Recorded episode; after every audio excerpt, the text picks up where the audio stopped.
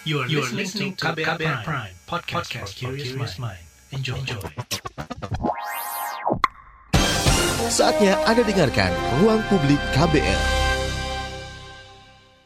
Selamat pagi, kita berjumpa kembali di Ruang Publik KBR. Hari ini temanya adalah cegah peningkatan COVID-19 saat penanganan bencana. 2021, Indonesia berduka menghadapi serangkaian bencana alam yang datang bertubi-tubi, mulai banjir, longsor, hingga erupsi gunung berapi. Badan Nasional Penanggulangan Bencana BNPB mencatat lebih dari 100 bencana alam yang terjadi di beberapa wilayah di Indonesia. Semua itu terjadi di tengah pandemi yang belum usai. Kondisi ini memaksa semua elemen masyarakat untuk bersiap menghadapi ancaman bencana alam di tengah pandemi. Lalu bagaimana cara memitigasi bencana dan peningkatan kasus COVID-19 secara bersamaan? Berikut penjelasan ahli mitigasi bencana Eko Teguh Paripurno dan Dewan Pakar Ikatan Ahli Kesehatan Masyarakat Indonesia IAKMI Hermawan Saputra. Pada segmen kali ini kita simak penjelasan ahli mitigasi bencana Eko Teguh Paripurno. Iya, Mas Ete dalam beberapa bulan terakhir ini kan Indonesia dilanda sejumlah bencana besar yang uh, terjadi secara beruntun begitu ya, mulai dari banjir, longsor hingga yang saat ini sedang terjadi erupsi Gunung Semeru.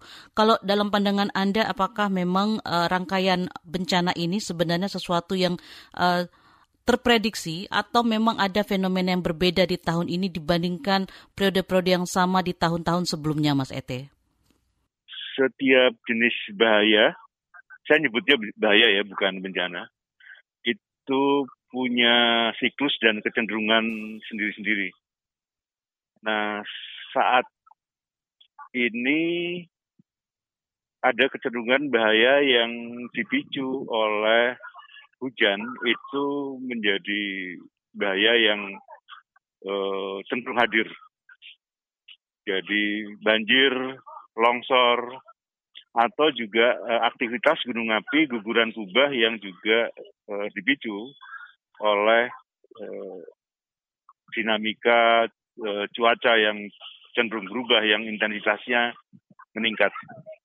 Nah, jadi kalau dibilang apakah ini terprediksi, harusnya ya. Karena pastilah di musim hujan itu banyak longsor, banyak banjir, banyak banjir bandang gitu dan mungkin yang uh, kita suka lupa ini uh, guguran awan panas khususnya di Semeru itu juga terjadinya uh, musim hujan. Hanya memang tidak setiap tahun tapi kita bisa lihat kecenderungannya demikian. Karena pemicunya itu gitu Apakah kalau dalam uh, pengamatan Mas Ete sendiri ada perbedaan uh, apa namanya intensitas curah hujan uh, saat ini atau dibandingkan sebelumnya, Mas? Ya, kalau menyimak informasi yang diberikan oleh BMKG, kecenderungan intensitas curah hujan di sini meningkat. Setidaknya hujan cenderung lebih banyak hadir dan lebih panjang uh, siklusnya. Ini juga terkonfirmasi di teman-teman di sekitar Semeru bahwa eh, sebelum ada uh, guguran awan panas itu uh, hujan terus-menerus sejak beberapa hari, terutama di tanggal 4. Dan hal yang sama juga ketika kemarin terjadi di Batu, di Tulungagung juga demikian.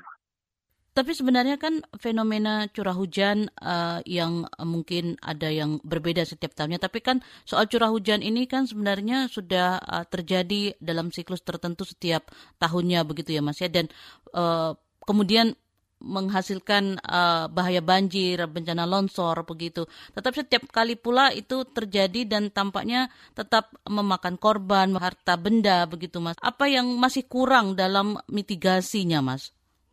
Untuk kasus ini sebenarnya agak lebih sederhana gitu. Jadi kekurangannya menjadi kekurangan bersama ya. Ketika empat prinsip kesiapsiagaan kaitannya dengan peringatan dini itu belum sepenuhnya kita lakukan bareng gitu. Jadi kita har memang harus paham berada di tempat yang berisiko kita juga harus memantau bahaya, kita juga harus mendiseminasikan informasi. Tapi kita juga harus melakukan aksi. Nah, e, biasanya kalau ditanya paham tempat ini rawan banjir misalnya, uh, rawan longsor, rawan erupsi, jawabannya iya. Apakah uh, dalam keseharian bisa memantau bahayanya itu, potensi bahaya, gejalanya, ada yang jawab ya atau tidak. Apakah kalau ada bahaya disimulasikan, boleh jadi jawabannya iya. Apakah mencoba melakukan gladi, simulasi, berlatih untuk melakukan evakuasi, kebanyakan tidak. Nah, ini yang menjadikan eh, risiko itu masih sering hadir. Belum lagi hal yang mungkin intensitasnya tidak berubah banyak, tapi kerentanan yang berubah. Jumlah warganya bertambah, jumlah apa eh, tempat-tempat yang berisikonya bertambah. Ini yang menjadikan risikonya membesar dan secara bersama-sama kita semua belum mengimbangi dengan uh, keterampilan untuk melakukan penyelamatan secara baik. Dan ini bukan hanya mandat pemerintah tapi juga pentahelik yang lain. Ada apa uh, warga, ada media, ada perguruan tinggi, ada lembaga usaha. Nah, semuanya harus ber, berkontribusi uh, hal kayak gitu. Tapi dalam pengamatan Mas Ete sendiri kerjasama dari lintas uh, pihak ini seperti apa Mas untuk terus meningkatkan kesadaran dan aksi dari masyarakat yang memang tinggal di daerah sekitar daerah-daerah uh, yang berpotensi mendatangkan bencana, Mas? Ya, oh, dengan adanya peristiwa-peristiwa ini bukti bahwa kita perlu refleksi dan meningkatkan kemampuan lagi. Kita masih banyak uh, hiruk pikuknya itu pada respon. Semua orang ketika ada bencana respon. Tapi kemarin sebelumnya mungkin kita nggak terlalu intens untuk bagaimana kampanye, bagaimana melakukan melakukan siap-siagaan itu.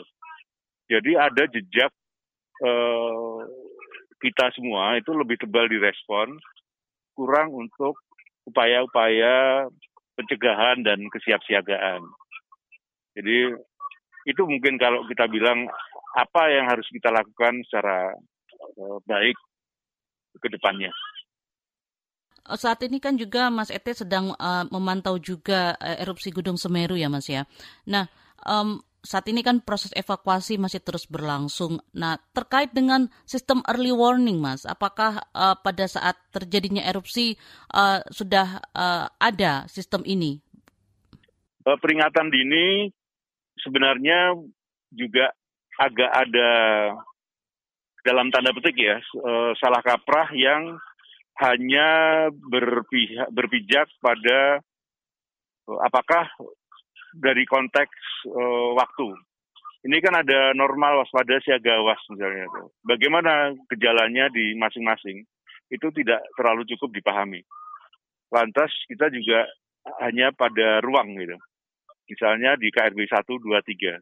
Tapi bagaimana me mengkoordinasikan, bagaimana harus bersikap ketika kita berada di KRB 2 sementara kondisinya waspada atau siaga itu belum uh, cukup dipahami dengan baik. Belum lagi uh, ketika uh, Semeru itu punya kekasan uh, sekarang. Jadi kekasannya kalau bicara uh, erupsinya itu memang erupsinya klasik dia uh, vulkanolemah ya atau um, munculnya kayak fontaine aja gitu setiap sejam itu bisa dua tiga kali lantas juga ada lidah lava yang dilupakan akumulasi endapan di puncak dan lidah lava itu ketika hujan uh, kecenderungan untuk apa tidak stabil itu lebih besar.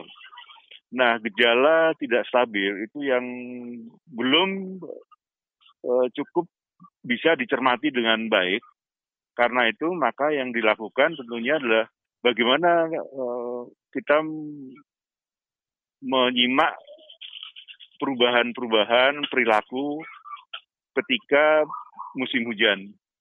Gejala yang ada kemarin sebenarnya kalau kita lihat eh, sebelum erupsi tanggal 4, tanggal 3, 2, 1, ada perubahan gejala yang menarik tidak pada uh, rekor terhadap magmatisme, tapi rekornya terhadap uh, kecenderungan uh, uap yang hadir gitu. Nah, titik jenuhnya rasanya terjadi pada tanggal 4 itu. Dari sisi perubahan tremor di seismograf tidak terlalu muncul gitu. Tapi kejadian-kejadian itu sudah terbaca.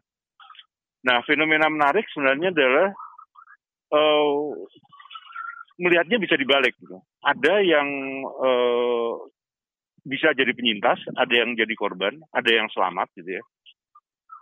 Yang sebenarnya menerapkan uh, pemantauan visual secara langsung. Jadi ada cerita Pak Wagiman yang dia uh, penderes melihat uh, peningkatan asap, dia turun bilang keluarganya dengan RT di sekitarnya mengusir harus pindah naik truk dan terjadi. Artinya eh, yang saya bilang empat komponen di, di konvensi untuk eh, memahami risiko, lantas memantau, mendisiminasikan dan melakukan evakuasi itu dilakukan oleh Pak Wagiman itu gitu. Jadi teman-teman yang selamat itu sebenarnya sudah melakukan itu lepas secara umum eh, PVMBG memberi sinyal dan juga sudah mengkomunikasikan ke BBBD. Hanya memang uh, kecenderungan untuk merespon seperti tadi di awal yang saya sampaikan itu tidak sereten uh, uh, responsif yang kita harapkan. Tapi saya pikir kalau dilihat dari baiknya itu baik. Karena begitu banyak orang yang selamat.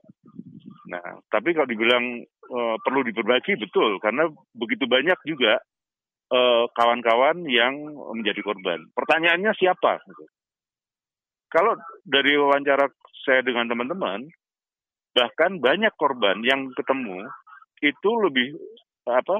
Lebih para uh, pendatang, para penambang, para sopir, kayak gitu gitu. Sementara warga sendiri selamat. Jadi dengan demikian juga perlu kita pilah.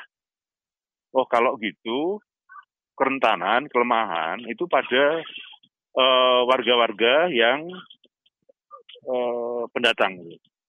Sehingga kalau gitu nanti kita perlu uh, lakukan upaya sosialisasi penguatan itu uh, apa dilakukan terhadap dan ini juga berlaku di tempat lain ya terhadap para pendatang, para penambang dengan segala bentuknya. Ini juga terlihat dari betapa banyak aset yang rusak, hilang, itu juga aset-aset mobil dari para eh, pendatang. Kalau di warga itu jelas-jelas mereka adalah uh, warga yang tinggal di kawasan KRB 2. Kayak Kampung Renteng itu secara tempat memang dia berisiko. Dia mendirikan rumah di endapan lahar tahun 70. Sehingga sekarang kena lagi gitu. Ya. Karena mungkin berpikirnya nggak akan seperti dulu lagi gitu. Padahal kita tahu bahwa bahaya kayak gitu kan siklus. Ya, ada yang siklusnya tahunan, puluhan tahun, yang mungkin uh, saudara-saudara yang tahu di tahun 70 itu uh, lupa menceritakan bahwa itu terjadi. Lepas dari memang yang di 2021 itu intensitasnya lebih besar karena kecenderungan kolateral itu. Di satu sisi ada guguran uh, awan panas seiring dengan curah hujan sehingga pengencerannya kuat, volumenya eh volumenya kuat banyak dulu dan pengencerannya kuat. Karena itu pula geladak eh, apa perak itu eh, kena rusak gitu. Refleksinya kira-kira begitu, Mbak. Ruang Publik KBR edisi pagi hari ini adalah rekaman, jadi kami tidak terima pertanyaan dari pendengar. Jangan ke mana-mana, tetap di Ruang Publik KBR. Masih Anda dengarkan Ruang Publik KBR. Commercial break.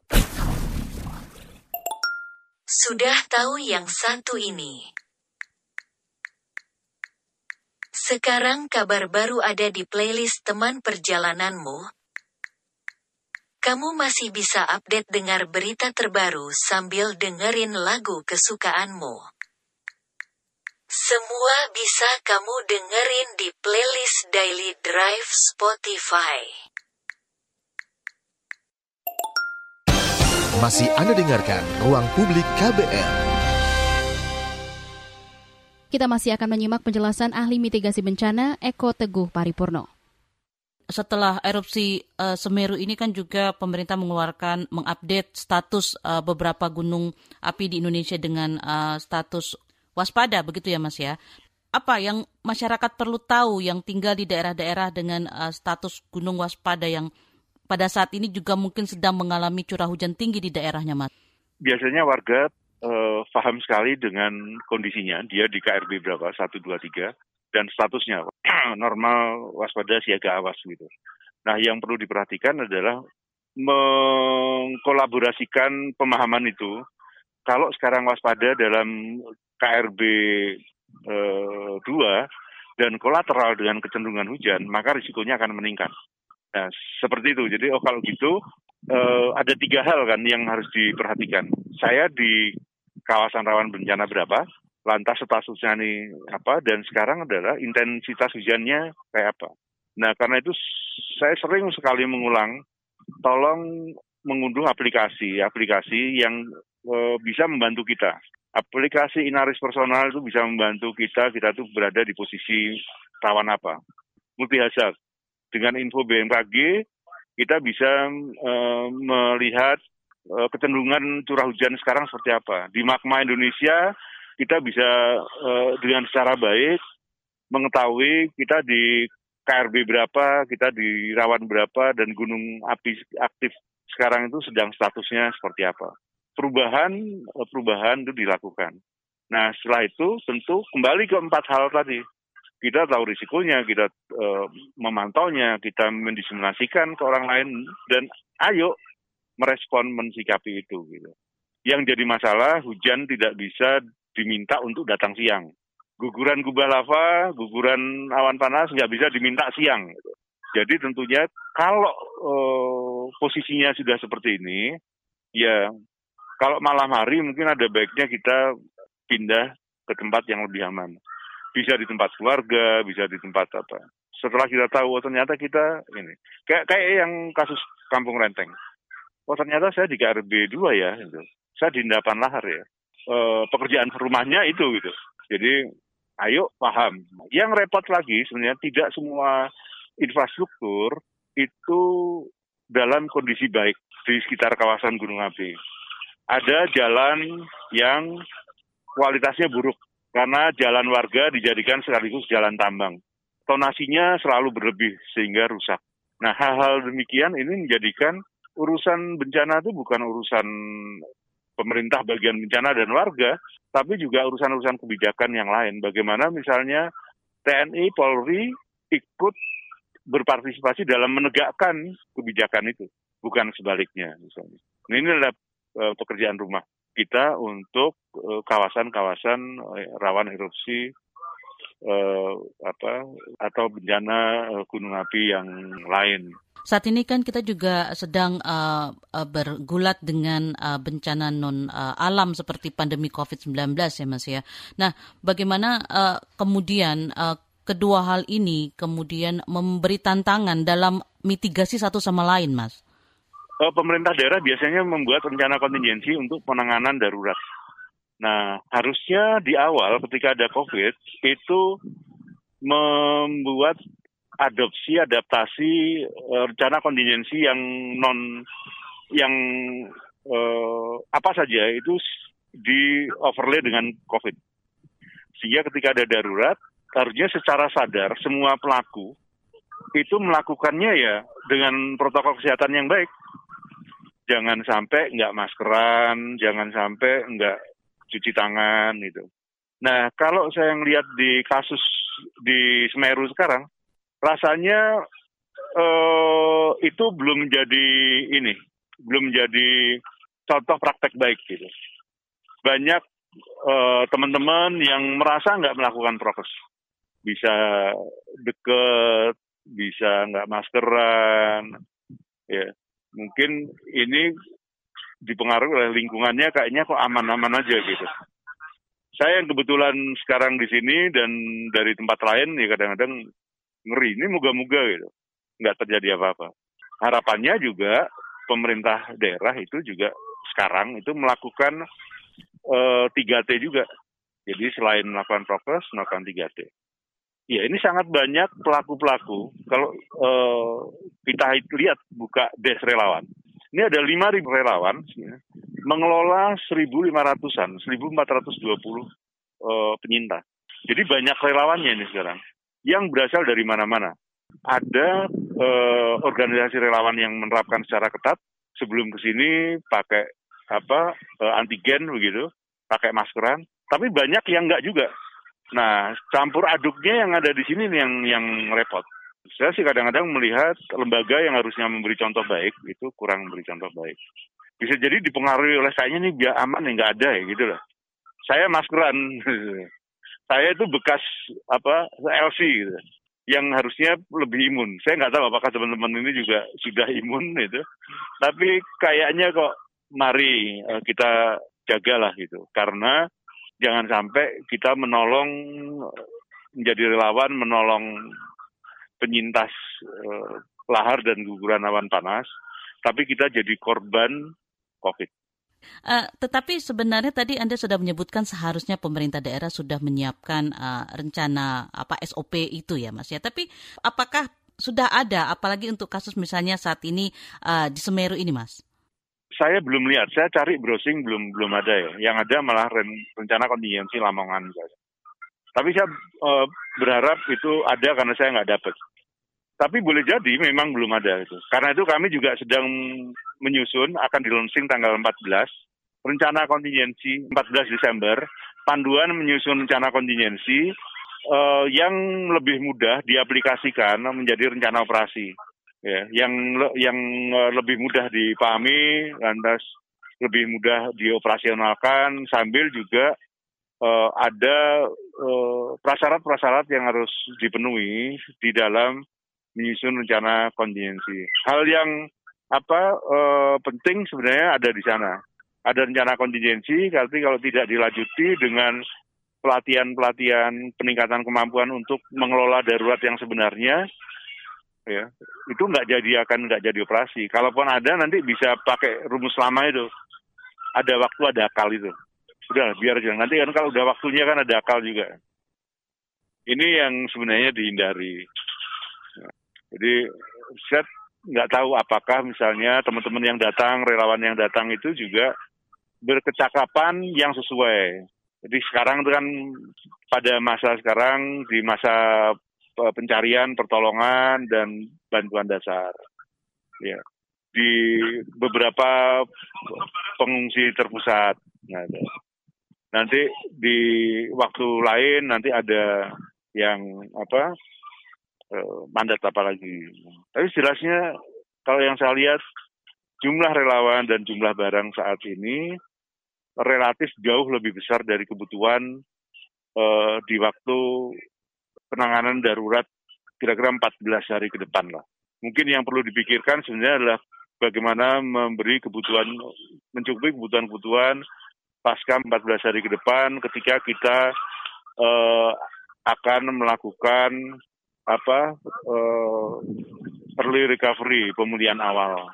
Walaupun kita tahu sepertinya kalau bantunya besok itu seolah-olah kita nggak respect. Sehingga sekarang sangat berlomba-lomba memberi bantuan. Tapi lupa manajemen logistik di setiap pos uh, penerimaan logistik, pos pengungsian itu juga perlu pengelolaan yang lebih baik. Ya moga-moga nggak ada nggak ada yang masalah dengan itu. Kembali kami ingatkan, kalau ruang publik KBR edisi hari ini rekaman, jadi kami tidak terima pertanyaan dari pendengar. Jangan ke mana-mana. Masih Anda dengarkan Ruang Publik KBR. Ya, terima kasih untuk Anda yang masih setia mendengarkan Ruang Publik KBR edisi hari ini, yaitu temanya Cegah Peningkatan COVID-19 saat Penanganan Bencana. Saudara, Indonesia berada dalam wilayah Ring of Fire atau cincin api Pasifik yang rentan terjadi gempa bumi dan letusan gunung api. Ada puluhan gunung berapi aktif dan puluhan di antaranya berstatus siaga dan waspada. Salah satu gunung Semeru di Lumajang, Jawa Timur yang erupsi Sabtu pekan lalu. Lantas, langkah mitigasi seperti apa yang harus dilakukan supaya bisa meminimalisir korban? Berikut kita akan simak bersama-sama laporan khas KBR disusun Reski Novianto dan dibacakan rekan Aika Renata. Allah. Astagfirullah. Allah, Allah, Allah, Allah, Allah. Ya Allah. Waduh. Sampai kok gini, Rus. Kakek tau ebongi wis. Kilo cuma kilo. Gunung Semeru yang berada di Kabupaten Lumajang, Jawa Timur erupsi akhir pekan kemarin. Kejadian mendadak ini lantas membuat warga panik dan lari menyelamatkan diri menuju lokasi aman. Dari data BNPB, erupsi Semeru menyebabkan 15 orang meninggal, 27 orang hilang, dan 56 terluka. Erupsi Gunung Semeru juga berdampak di delapan kecamatan yang menyebabkan sekitar 1.300 orang mengungsi. Peristiwa ini lantas menjadi pengingat bahwa erupsi gunung berapi dapat terjadi kapan saja. Saat ini, tak hanya Gunung Semeru yang menunjukkan aktivitas seismiknya. Terpantau terdapat sejumlah gunung berapi di Indonesia mengalami peningkatan aktivitas dalam beberapa hari terakhir. Berdasarkan pantauan dari laman magma.esdm.go.id, pada hari ini, ada tiga gunung berstatus siaga dan 17 gunung berstatus waspada. Gunung berstatus siaga atau level 3 antara lain Gunung Sinabung di Sumatera Utara, Gunung Merapi di DIY dan Jawa Tengah, dan Gunung Ili Lewotolok di NTT. Sementara gunung berstatus waspada atau level 2 antara lain Gunung Raung dan Gunung Bromo di Jawa Timur, Gunung Anak Rakatau di Lampung, Gunung Dukono, Gunung Gamalama, Gunung Ibu dan Gunung Gamkonara di Maluku Utara, Gunung Agung di Bali, Gunung Banda Api di Maluku, dan Gunung Kerinci di Jambi. Kepala Pusat Vulkanologi dan Mitigasi Bencana Geologi PVMBG Andiani menyatakan sudah sedari awal memitigasi bencana erupsi maupun letusan gunung berapi seperti yang terjadi di Semeru. Dia memastikan informasi terkini terkait aktivitas terbaru gunung berapi serta koordinasi dengan berbagai stakeholder terus dilakukan untuk memantau seluruh gunung api di Indonesia. Uh, informasi uh, kami uh, sampaikan juga melalui aplikasi Makma kami, kemudian juga melalui medsos kami dan bisa tadi seperti dijelaskan oleh Bapak Kaban juga bisa mengakses melalui website kami. Satu hal lagi yang ingin saya sampaikan bahwa peta ini sangat bermanfaat untuk menentukan jalur-jalur evakuasi arah mana saja kalau akan melakukan pertolongan kepada para uh, pada masyarakat yang berada pada KRB 3 atau pada daerah yang uh, memiliki potensi kejadian awan panas guguran. Pemantauan gunung berapi dilakukan dengan cara visual dibantu oleh CCTV dan secara kegempaan dibantu oleh seismometer untuk merekam gempa-gempa vulkanik yang terjadi di seluruh gunung di Indonesia. Pakar vulkanologi Surono mengatakan mitigasi utama dalam antisipasi dan kewaspadaan gunung berapi dilakukan oleh manusia. Dia menyebut bahwa teknologi hanya faktor pendukung semata di lapangan. Tidak ada yang sempurna di sini. Bahwa teknologi, sumber daya manusia itu sedikit cukup banyak kurang. Hmm. Kalau dikatakan oh, teknologinya kurang, ya kurang. Mau mengejar sampai batas mana? Oh, SDM-nya apa kurang. Tapi kalau dibandingkan dengan Jepang satu gunung api, 5 dokter sampai 10 dokter, ya kurang. Menurut Surono, mitigasi gunung berapi bukan hanya soal ramal-meramal, namun, pemerintah daerah dan seluruh masyarakat harus paham serta cekatan dalam membaca rekomendasi dan prediksi. Kata dia, sesuatu yang datangnya tiba-tiba memang sulit lantaran umumnya peristiwa terjadi saat seluruh pihak lengah. Sementara itu, perencanaan mitigasi resiko bencana disorot lantaran belum banyak daerah yang bersiap menghadapinya. Hal tersebut disampaikan Ketua Masyarakat Penanggulangan Bencana Indonesia, MPBI Avianto Amri. Uh, bagaimana rantai komunikasi peringatan dini itu bisa uh, diinformasikan mulai dari uh, pusat dari sumber yang menghasilkan peringatannya tersendiri gitu misalnya dari BMKG ya hingga ke daerah ke pemerintah daerah, uh, BPBD setempat dan juga instansi-instansi terkait dan sampai ke komunitas dan masyarakat setempat. Uh, yang kedua uh, itu adalah informasi mengenai sumber daya apa saja yang dibutuhkan dan juga apa yang uh, tidak ada di wilayah tersebut untuk misalnya mengantisipasi skenario terburuk. Yang terakhir uh, itu uh, koordinasi pada saat pengambilan keputusan. Avianto meminta pemerintah daerah agar lebih tanggap mewaspadai setiap risiko bencana. Maka dari itu, persiapan perlu dilakukan salah satunya dalam mengantisipasi bencana erupsi atau gunung meletus di Indonesia. Demikian laporan khas KBR disusun Reski Novianto. Saya Aika Renata. Selanjutnya Fitri Anggreni berbincang bersama Dewan Pakar Ikatan Ahli Kesehatan Masyarakat Indonesia IAKMI Hermawan Saputra terkait antisipasi peningkatan kasus COVID-19 di tengah ancaman bencana. Pak Hermawan, saat ini kan uh, dalam beberapa bulan ini uh, bencana alam berturut-turut terjadi di Indonesia mulai longsor, banjir, dan yang terakhir itu juga ada erupsi Gunung Semeru, Pak. Nah, bagaimana Bapak melihat uh, upaya penanganan korban ini di tengah pandemi saat ini agar korban yang sudah rentan tidak terkena dua kali, Pak? Ya, jadi pertama-tama kita uh, prihatin ya atas banyaknya musibah alam di saat ini. Memang bulan-bulan uh, sekitar Desember hingga Januari Februari karena cuaca masih musim hujan di sebagian besar wilayah itu masih sangat rentan terjadinya bencana alam. Nah, ditambah dengan situasi pandemi COVID kita saat ini, cara terbaik kita untuk menghindari dan mengantisipasinya pertama adalah uh, self awareness jadi bagaimana kesadaran diri yang utama. Nah kalau kita kaitkan dengan erupsi Gunung Semeru misalnya, eh, pemakaian masker itu memiliki peran ganda. Itu di samping memfilter bagaimana agar abu vulkanik, zat asam, dan menghirup asap tidak masuk dan merusak sistem pernapasan, itu juga melindungi kita dari paparan COVID-19. Nah, oleh karena itu, yang paling penting adalah ketersediaan dan akses terhadap masker. Kalau bisa, penggunaan masker standar minimal N95 untuk respiratory. Nah, ini yang berkaitan dengan uh, situasi uh, vulkanik Gunung Semeru dan juga adanya pandemi yang masih berlangsung. Namun demikian, memang ada kelandaian kasus di berbagai daerah di Indonesia dengan kasus aktif yang kurang dari 10.000 saat ini sebenarnya uh, kita di uh, apa namanya diberi ruang juga untuk melakukan upaya rescue terhadap saudara kita yang terkena bencana alam.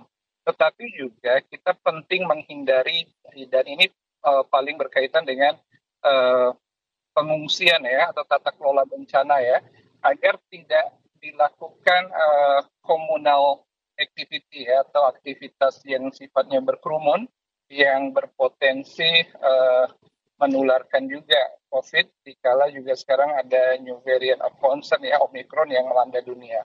Nah, oleh karena itu, uh, rekayasa tempat-tempat pengungsian atau uh, tempat rescue itu harus memperhatikan kondisi yang tetap dalam physical distancing dan terutama juga setelah bahan baku agar dilakukan secara uh, steril karena juga beda tipologi bencana alam yang sifatnya gunung meletus juga dengan banjir misalnya. Jadi masing-masing uh, memiliki cara agar yang paling penting adalah kondisi lingkungan di sekitar tempat pengungsian itu yang paling penting dijaga dan direkayasa sedemikian rupa.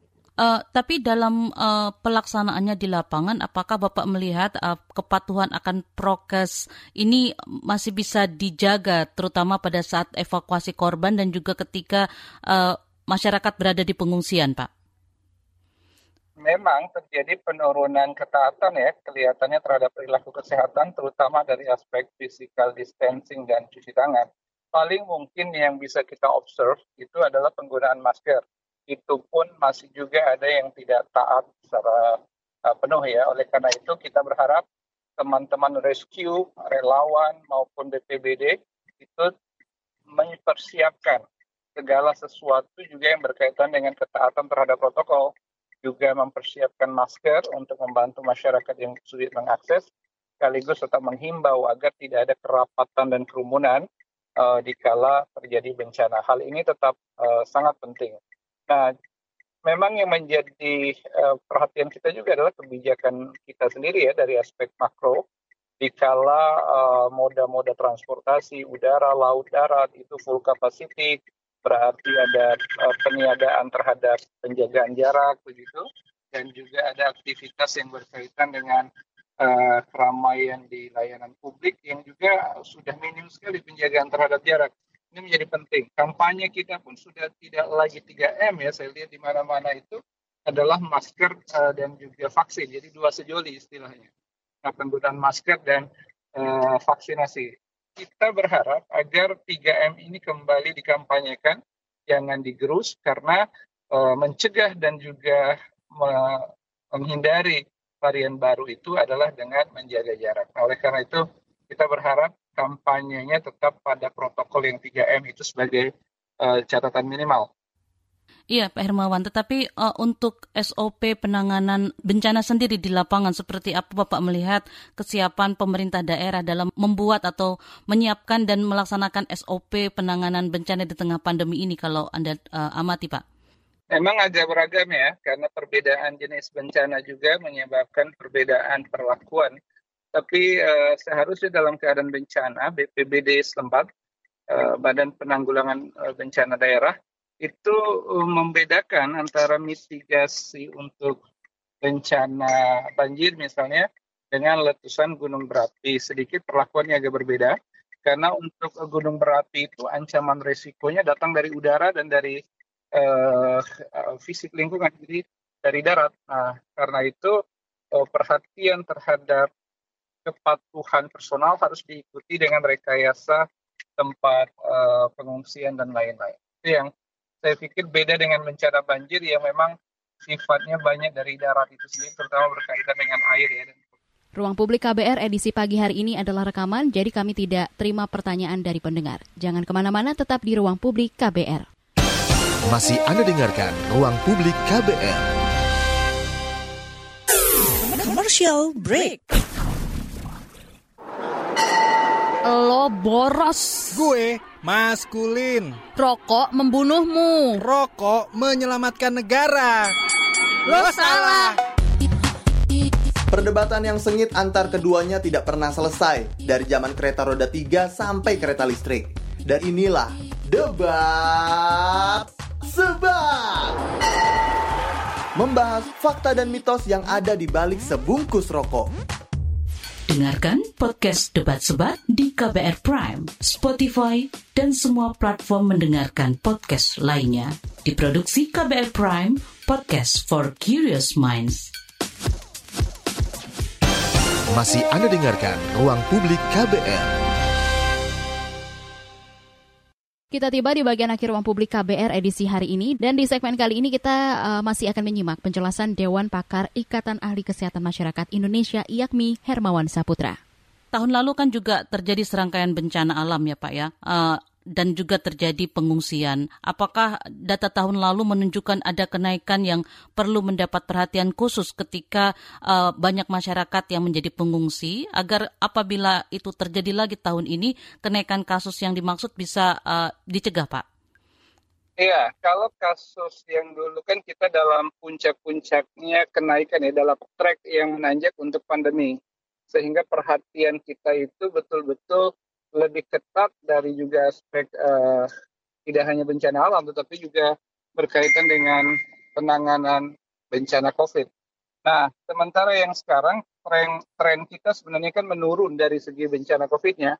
Hanya dari segi bencana alam tetap saja kita harus kombinkan resikonya pada pencegahan dan pengendalian COVID juga yang berhadapan dengan varian baru. Kalau tahun lalu kita belum memiliki varian baru dari subvarian uh, SARS-CoV-2. Nah, sekarang dengan potensi adanya varian baru, ini kita harus waspadai betul. Maka itu protokol yang 3M dan juga uh, kesadaran kita bahwa virus ini bisa bermutasi, nah itu yang harus kita perlu antisipasi gitu. Kalau dari informasi yang Bapak dapat, Pak, info uh, soal varian Omikron ini, Pak, apa yang perlu masyarakat waspadai terhadap uh, varian baru ini, Pak?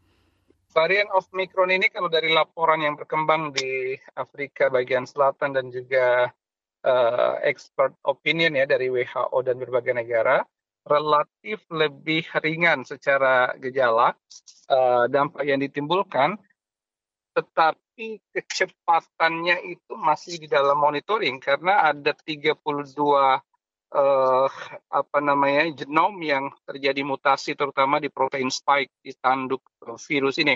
Oleh karena itu disinyalir mestinya bisa lebih menular. Nah, kalaupun kasus yang selama ini 80% terjadi gejala ringan dan tidak mematikan, nah itu karena faktor usianya masih produktif. Tetapi kita tetap khawatir apabila terpapar pada orang lansia, orang-orang dengan komorbid, tetap bisa memberikan dampak fatality yang tinggi dikala juga kalau di Indonesia ini uh, vaksinasi untuk lansia ini masih sangat minim, baru sekitar 35 persen untuk vaksinasi dosis kedua, begitu. Kalau uh, begitu Pak tadi sudah Bapak bilang juga bahwa uh, 3M sudah mulai menurun, malah fokusnya lebih memakai masker dan vaksin, begitu ya Pak ya. Nah, sebenarnya mengapa terjadi perubahan, uh, katakanlah uh, skema pendekatan ini Pak? Ya, itu sebab karena pemerintah merasa secara uh, penularan di lapangan sudah minim sekali, juga vaksinasi dirasakan lebih efektif. Hanya uh, kita sering kali lupa bahwa negara-negara lain di dunia itu sudah sampai gelombang keempat. Walaupun sudah gencar dilakukan vaksinasi, tetap terjadi badai uh, kenaikan baru karena disebabkan berbagai hal, terutama aktivitas yang kembali longgar ramai dan berkerumun. Nah, itu sebab kita harus belajar dari negara lain. Jadi tidak merasa puas dengan keadaan kita saat ini, melainkan e, misalnya seperti saat ini ya, Eropa seperti Jerman, Inggris, Austria, Rusia itu dalam keadaan kasus yang signifikan sekali dalam sebulan terakhir. Nah, e, di sinilah kita harus belajar dan kita itu jangan sampai meremehkan keadaan yang walaupun sekarang baik, relatif terkendali, suatu waktu kita bisa menjadi uh, terjadi outbreak kembali begitu. Iya Pak, kan selain 3M juga ada 3T ya Pak ya. Nah, seperti apa pentingnya 3T ini dilakukan terutama ketika uh, kasus terjadi di daerah bencana Pak?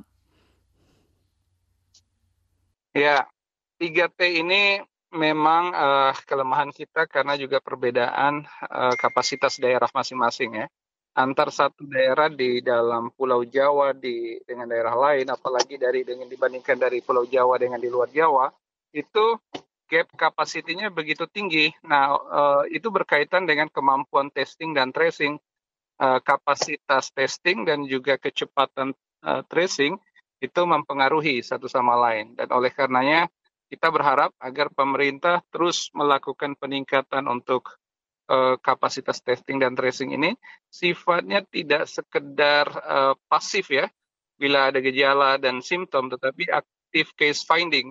Jadi mengukur uh, risiko di komunitas dengan begitu melakukan deteksi dengan cepat.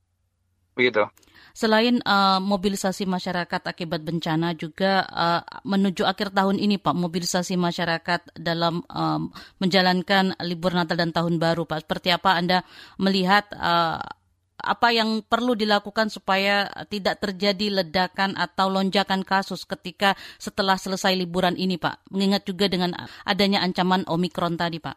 Ya, memang terkhusus mm, menjelang libur Natal dan Tahun Baru ini, kita mewanti-wanti agar uh, kita sebagai pribadi maupun warga komunitas itu harus membatasi diri karena belajar dari pengalaman tahun lalu ketika Nataru dan setelahnya itu terjadi lonjakan kasus yang signifikan.